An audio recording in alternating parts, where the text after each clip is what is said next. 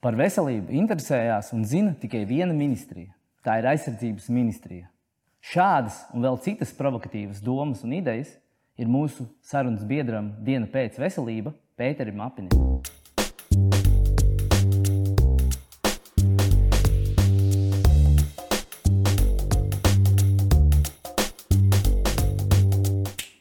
Pēteri, šobrīd sevišķi, ja seko līdzi sociālajiem tīkliem, televīzijai un pat lasa žurnālus, visur var redzēt tevi. Uh, tu esi ļoti aktīvs, gan faktiski jau kā žurnālists, ļoti daudz runā par veselību, un, un daudzi savukārt neatrod laiku savā ikdienā, lai nodarbotos ar kaut kādām veselīgajām, fiziskajām aktivitātēm un visu pārējo. Kas ir tās galvenās lietas, kas palīdz šādi te būt visur, daudz darīt un vēl nodarboties ar veselīgu dzīvesveidu? Patiesībā es nesapratu īsti jautājumu. Tādā ziņā, ka es nesapratu, vai man ir uzreiz jāstāsta cilvēkam, kas šobrīd ir pats būtiskākais. Bet, eh, jebkurā gadījumā, pats būtiskākais ir um, kustība un liekas svara nesamība. Un um, tas katrā ziņā cilvēkam dod daudz, daudz vairāk nekā vispārējās um, distancēšanās, maskas, visdažādākās citas, citas rīcības, kas attiecās uz cilvēku veselības, dzīvības saglabāšanu, saslimšanu vai nesaslimšanu. Tad kustība pāri visam, un to iemācīt cilvēkiem ir tik sarežģīti. Jo man bieži ir cilvēki, pacienti, kas ir ar lieku svaru un ir mazkustīgi un patiesībā visu savu dzīvi pavadīja pie datora vai darbā sēžot. Un ir ļoti grūti viņam pateikt, kādā veidā šo kustību uzsākt. Jo tas ir pats galvenais. Piecas reizes nedēļā, vismaz 30 minūtes. Nu, es saku, attiecībā uz sevi, piecas reizes nedēļā, vismaz 10 km skriešus. Kā mēdz teikt, tu esi tas, ko tu atkārtoti dari. Pēc būtības sanāk, ka tas ir rutīnas, ieradumi. Tādā veidā vari pakomentēt šo, teiksim, kā tu redzi šo. Ne, otrādi es esmu, es nevaru mācīt cilvēkiem to, ko es nedaru un neticu pilnīgi. Ja mēs zinām, ka ienāk pacients pie doktora un telpā mazliet smaržo pēc cigaretēm, tad šis ārsts pateikt nesmēķē, patiesībā nevar, jo pacients viņam neusticās. Mums, diemžēl, arī diezgan daudz ārsti netic vakcīnai. Nu tā, viņš pats, piemēram, nevakcinē sevi pret gripu, viņš pats vēl dažas citas lietas nedara. Viņš to nevar pateikt pacientam. To, ko tu nedari pats un kam tu neesi gatavs pats, tev ir diezgan grūti iemācīt savam pacientam. Kā tu redzi, kas šobrīd ir tie galvenie šķēršļi, kas neļauj cilvēkam gan sākot no tā ārsta, kuram būtu jāsniedz padomi, ko viņš pats praktizē, beidzot ar jebkuru cilvēku, kas ir viņa galvenie uh, tie, tie šķēršļi, kuri viņiem neļauj izpildīt un dzīvot to dzīvesveidu, kāds būtu viņam vēlams? Tu zini, patiesībā jāsāk no bērnības. Un mūsu uzdevums būtu katram bērnam nodrošināt vismaz vienu stundu stipri aktīvas kustības katru dienu. Septiņas reizes nedēļā.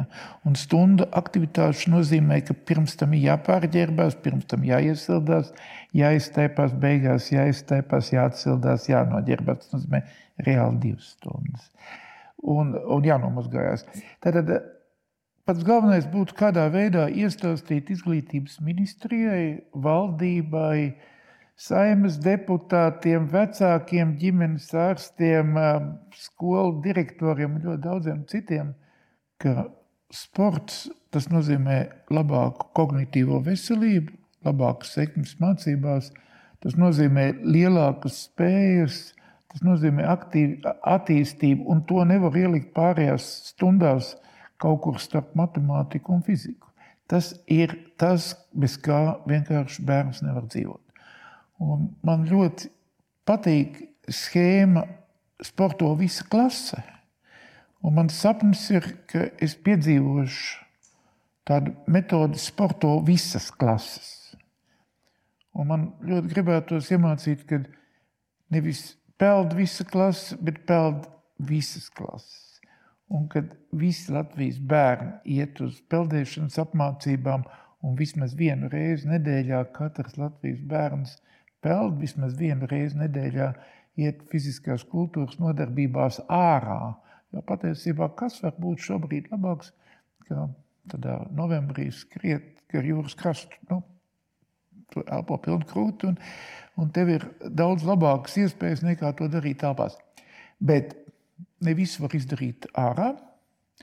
Un tas, ko dara pašreiz mūsu valdība, un tas, ko dara mūsu likumdevēji, aizliedzot bērniem sportot, reāli aizliedzot bērniem sportot, tas ir noziegums pret bērnu veselību. Otrs ir, protams, ka tas jāturpina visu mūžu. Tas sports nozīmē, tas sports nozīmē ka tu sāc trenēties 70 gadu vecumā, Un pēdējo reizi pasaules čempionātā senioriem piedalījās vecuma grupā 90. Plus. Tā būtu tā loģika. Kā man vienreiz viens fizioterapeits teica, es pie viņa gāju uz muguras vingrošanu. Viņš teica, nu, es tev rekur iedodu treniņu plānu, uztver to kā mūža līgumu ar sevi. Nu, ja man kāds cilvēks teiktu, ka viņš ir katru dienu gatavs aiziet pie fizioterapeita uz vienas stundas nodarbībām, nu, piecas reizes nedēļā. Es viņam izrakstu licenci, ka viņam nebūs vēzis, sirds asinsvadu slimības un daudz kas cits līdz 85, 90 gadu vecumam. Garantijas vēstule. Garantijas vēstule. jo tas fizioterapeits ir būtisks tajā apstākļā, ka viņš izkustina nevis kājas, rokas, pirkstus, Tur, bet tas fizioterapeits izkustina vēdera muskultūru, krūšu muskultūru, plecu muskultūru, sānus, muguru. To visu, kas liek elpot, kas liek asinīm un, un, un limfai cirkulēt. Tur, kur ir stāze, tur var rasties vēzis. Vēzis rodā, nekad nerodās bicepsā, bet, diemžēl, nu, diemžēl krustu ir iespiestā krūtī vai vēdera apakšdaļā sēdošam cilvēkam lieko svaru. Tad mūsu uzdevums ir kustēties ļoti vispusīgi. Un fizioterapeits tā ir jūsu izvēle. Mēs būtībā iekustinām visu asinsrīti, visu limfatisko sistēmu, mums darbojās elpošanas sistēma, nervu sistēma. Un kā jau mēs varam pēc šī visa saprast, ka tās ir sistēmu miedarbība savā starpā un rezultātā. Nu, cilvēks viss ir komplekss. Cilvēks nav viens orgāns, cilvēks nav viens muskulis, cilvēks nav vienas apnes, cilvēks nav vienas sirds, vienas nieres un, vai divas nieres un tam līdzīgi. Cilvēks ir viss kopā. Un tad, lai tu būtu pilnvērtīgs, lai tu strādātu, tev būtu tas dzīves resurss, nu, strādāt valsts un tautas labā, vai savu bērnu, vai paša labā, vai tev būtu interesanti dzīvot un vispār tu pildītu savus funkcijas, kāpēc tu vispār dzīvo, tad tā kustība ir absolūti nepieciešama. Un tā kustība tomēr determinē gan to elpošanu, gan to sirdsdarbību, gan tās, to, to limfas kustību, vispārējo, kas tam nāk. Nu, arī vairāk skābekļu smadzenēm, kas ir pats par sevi. Mm -hmm. Bet, ja mēs vēl, vēl vienreiz atgriežamies pie šķēršļiem, kas traucē uh, Nu, skaidrs, mēs varam pieiet šai lietai jau no mazotnes, no skolas, no bērnu attīstības. Bet tagad, piemēram, es saprotu, ka, ja mēs paņemam to, cik daudz cilvēku pavada laika telefonā, tad nu, viens acīm redzamais būtu vienkārši izslēgt notifikācijas, nolikt malā. Es zinu, tev ir podziņa telefons, ir mazo podziņu bez bilžu. Ap, bez... Tas ir viens no variantiem. Kas ir vēl kaut kas, ko, ko mēs varam ļoti ātri? Principā šādu klikšķi tomēr ieviest kaut nedaudz. Nu, tas, tas, tas vienkāršais arguments ir tāds, kāpēc skandināvi vidēji, nu, Somija, Zviedri, Dāņi, mazliet plašāk, Ziemeļvalsts, dzīvo vidēji par desmit gadiem ilgāk nekā latvieši. Tas ir diemžēl ir fakts šobrīd. Mēs arī dzīvojam ilgāk un ilgāk, katru brīdi no gada no gada. Bet kāpēc viņi dzīvo? Un tad mēs skatāmies, ka Skandināvijā 50% no iedzīvotājiem izpildu šo, šo sistēmu piecas reizes nedēļā kustēties, un Latvijā to izpildu 17%, ieskaitot bērnus, ieskaitot visus tos, kas trenējās. Tad neticami maza ir tā Latvijas aktīvo sportistu daļa. Olimpiskā komiteja ierakstīja savos plānos, ka 50% sportos 2030. gadā. Es, protams, ar milzīgu sajūsmu tam aplaudēju, teicu, bet, džentlmeņi, mums jāpanāk, lai katru gadu par 6% vairāk sportot. Kādā veidā mēs to panāksim, ka, nu, piemēram, 80 tūkstoši cilvēku nākošais gads sportos vairāk kā šogad. Tā kā katrā ziņā mums ir ļoti nopietni uzstādījumi, kustība pāri visam, kas šī gadījumā būtu jāsaprot valsts mērogā. Man ir sajūta, ka ja ministru kabinetā nav neviens cilvēks, kas būtu sportojis dzīvē, to, ko nozīmē sports, divas, trīs reizes dienā ar pārslodzēm. Nu, manā dzīvē ir bijuši brīži, kad es esmu noskrējis mēnesī vairāk par tūkstoti kilometru. Nu, tajā mirklī tu katru vakaru atkriti, bet man bija vēl jāpieceļās un jāizmācās un jā, jābrauc studēt. Un vēl bija vēl papildus lietas. Nebija tā, ka es tikai sportoju. Un tik un tā, tās bija ļoti liels slodzes, un tu to atceries visu savu mūžu un saproti, ka, lai kaut ko sasniegtu sportā, tā ir liela piepūle, un tas ir ļoti būtiski. Un mums ministra kabinetā šobrīd nav neviena, kurš saprast, par ko es runāju šādā aspektā. -hmm. ja?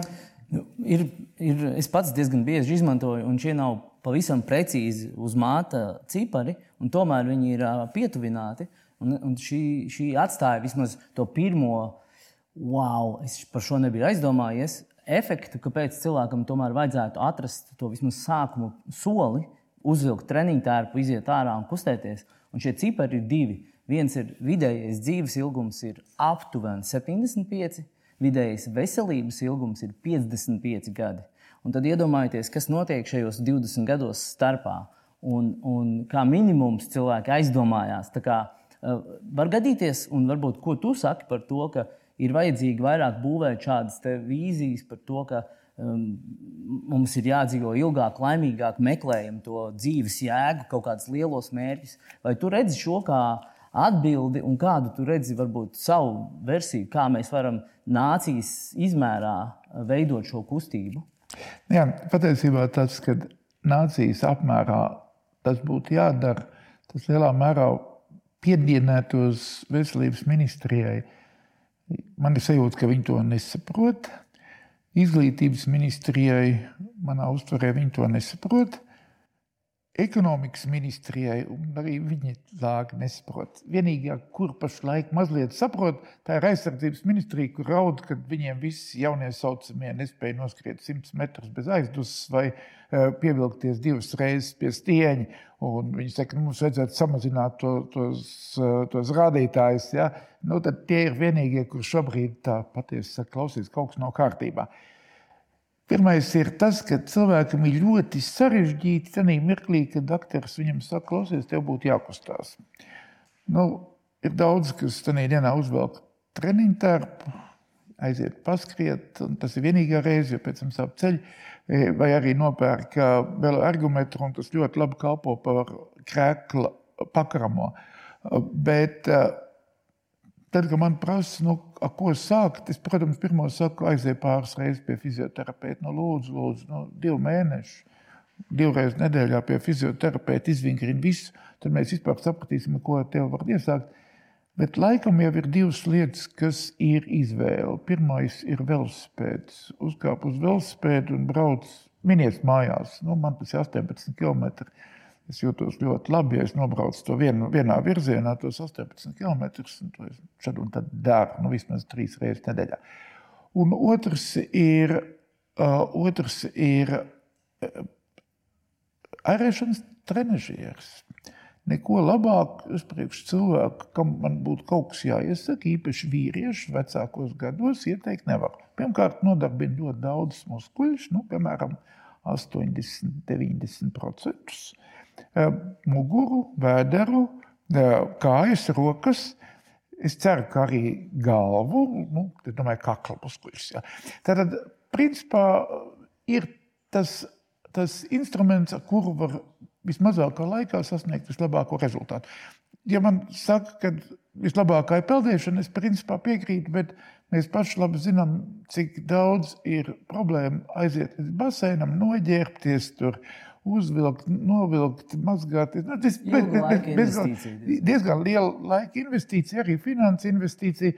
Un, ja tu tā pārāk labi nepeldi, nu, tad arī tāda 40 minūšu peldēšana eh, nevienam nesniedz tādu baigo gandarījumu. Nu, tur blakus tev viens aizpeld garām simts reizes, un tu tur čak, čak, čak, čak, čak, čak tur, tur ņemies. Jā, tā kā es teiktu, ka vislabākā izvēle manā uztverē ir kāpt uz velospēdu, kamēr nesniegs sniegs. Un un uh, mājās pirmo nopirkt airēšanas trenižieri. Tā ir viena patiesa laba lieta. Kas ir, runājot par peldēšanām, tagad uh, ir diezgan populāri kļuvis. Var jau gadīties, ka es pats esmu tādā burbulī, kurā tas ir populāri un ārpus tā tas nav. Bet šobrīd augstumpeldis, ja, viss rūdīšanās kustība un tā. Uh, kas ir, varbūt, ko tu pats redzi Latvijā, tādas ļoti labas tendences, kas notiek, kur tu redzi, ka tomēr tas cerība ir un, un tā kustība kaut kur tomēr notiek, sākot no tautas uz augšu, nevis uz otru pusi? Nu, patiesībā tās divas lietas, kas man pašam ļoti patīk. Vienā es piedalos, tas ir magnēts. Es tiešām magnētiski skrienu, un es tiešām ar saviem četriem mazbērniem no saviem septiņiem mazbērniem brauc uz to magnētu. Mēs nostaigājam nu, teiksim, mazo distancīti. Tā ir viena no manām mīlestībām. Es ļoti, ļoti augstu vērtēju visus tos, kas pa visu Latviju taisa tautas orientēšanās sporta seriāls. Un šī mirklī tie treniņi, un tie tik burvīgi treniņi, nu, pāris dienas atpakaļ. Katrs varēja pa nakti paskrēdīt eh, tepat pa purciem pļauniekiem, karti bija dabūnam un uz priekšu. Tad otra lieta ir, kas man ļoti patīk. Tas, protams, ir stirnabuks. No, nu, stirnabuks vienkārši fantastiska lieta, ko Liepiņš organizē un distanci baigi labs. Un es esmu piedalījies pagaidām tikai kā skatītājs, vai kā vērotājs, vai kā nu, visādi citādi. Bet e, es nesaku, ka es nevaru noskriet. Es katru dienu skrienu diezgan, diezgan daudz. Bet, nu, katrā ziņā man ļoti fascinē tas, kādā veidā viņš piesaista cilvēkus pie viņa interesantas dabas, interesanta reljefa, interesanta, uh, interesanta meža uh, un tā pašā laikā pie skrējiena. Pirms kāda laika, un, un tas tagad arī pats stāsti, pieminēja arī, kad vajadzētu piedalīties, vajadzētu varēt piedalīties uh, senioru, veco ļaužu cilvēku um, čempionātos, ja tur skriešanas sacensībās, orientēšanās visādās. Un kontekstā ar tādu ilgo, ilgo dzīvošanu, Es uh, savulaik diezgan daudz rakstīju par to, ka es vēlos dzīvot līdz 120 gadiem. Un kādā brīdī tu šo kaut kur noķēri, kaut kur izlasīji, un es pat aizgāju ciemos uz interviju. Saka, lūdzu, kāpēc un kas tevi ieinteresēja šajā manā rakstā, stāstā par dzīvi līdz 120 gadiem? Nu, redzi, pirmkārt, par šīm lietām parasti aizdomājās cilvēki, kuriem nu, teiksim, ir otrā puses, pat ja skaita līdz 120. Nu, tad nu, tu finišam tuvojies agri vai vēl, un tev ir kaut kādas pārdomas par dzīves kvalitāti. Nu, es jebkurā gadījumā grib, gribētu labāk nomirt distancē, nevis gultā ar insultu, vai ne? Vai es daudz labprātāk, nu, vienalga, kāptu kalnos, nevis iet tikai par, tikai par ielu knapi ar kruķi. Tad, jebkurā gadījumā tas nozīmē, ka e, es mēģinātu saglabāt šo, šo, šo loģiku. Es pat to 120 gadiem. Nē, es pieļauju, ka tavā, tā kā tu sasniegsi tos gadus, kad tev būs 80, 90, tad tiešām cilvēki dzīvos arī 120 gadus, un tas nebūs nekāds milzīgs pārsteigums. Es biju Japānā klīnikā un, à, un arī Taivānā klīnikā. Un, man ir bijis iespēja pat tur ilgāku brīdi padzīvot. Tur ir tā, ka gandrīz visi pacienti, kurus tur operē ārstē, viņiem nodarbojas tie tā plus mīnus no simts. Mazliet pirms vai mazliet pēc. Apendiks griežas 150 gadu vecam cilvēkam, pilnīgi neko. Un pēc simts gadiem um, arī, piemēram, gūžas kakliņš, jebkurā gadījumā tiek endoprotezēts un cilvēkam iestādi, tam, kam iestādi endoprotēzi un saka, nu, tagad celies augšā, mācies staigāt, šeit jau, nē, nē, nu, tik daudz tāds baigos atbalsta punktus, nē, vienu papildus atbalsta punktu, nu, nu kādu kruķīti. Iedod mazliet sākumā, lai tev būtu trīs atbalsta punkti, bet uz priekšu. Un, nu, šodien, nē, nu, šodien, nu, līdz, līdz tur kilometru turp, kilometru atpakaļ. Un tad mēs sāksim tālāk runāt. Ja tāpat negrib, nu, tad nopirksim sunītu un iesim sunītu šito gabalu. Bet tad tu ies trīs reizes dienā pa to kilometru šurp turp.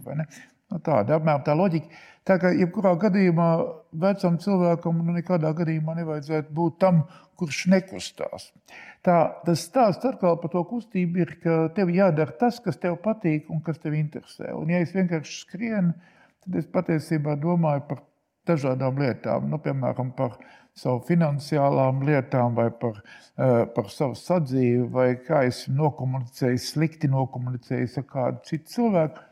Un es patiesībā uzvelkos kaut kādā mērā, jo man tā skriešana, nu, es aizmirstu par to skriešanu, braucu ar riteņu, tāpat es domāju, bet ja es aizēju uzspēlēt basketbolu ar tādiem pašiem veciem vīriem kā sevi, nu, piemēram, mēs spēlējām stundas, neko neesmu domājis. Man visu laiku bija jādomā, kā es iedošu piespēli, kā es izvairīšos no kaut kādas nu, saskarsmes, kādā veidā es dabūšu atliekošu bumbu un tā tālāk.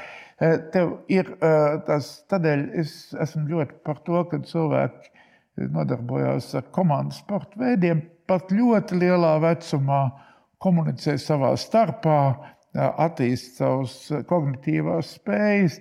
Tad es esmu tādēļ arī par to, ka sports spēles jebkurā vecumā. Nu, man, protams, boks īsti neatbilst šai sporta spēlē. Manā skatījumā gan. Ok, nu jau tuvojoties noslēgumam šai sarunai, es varētu teikt, ka tā apkopojot visu, te iezīmējās galvenais temats, par ko mēs runājam. Tas ir visu laiku nemitīga kustība, kustība kas mums dod visam ķermenim neapstāties. Ja, teikt, es dzirdēju vienā, vienā frāzī ļoti labi, ka tev ir visu laiku jākustās, lai ķermenis nesaprot, ka tu noveco. Ja, un tad būtībā tas, tas būtu tas nu, caurvijošā tēma mūsdienu. Es, pie, es pieļauju, ka jāspēlē kārtas un šahu veciem cilvēkiem, lai ķermenis vai smadzenes nesaprot, ka tu noveco. Jo nu, tik ilgi, kamēr tu domā, lasi, jau, savus smadzenes noslogo, tikmēr arī smadzenes nenoveco. Es tiešām esmu pārliecināts par to, ka Tev katru dienu ir kaut kas jauns jāmācās. Jā, un tas jāsāk jau darīt no, jau no bērnās, no skolas.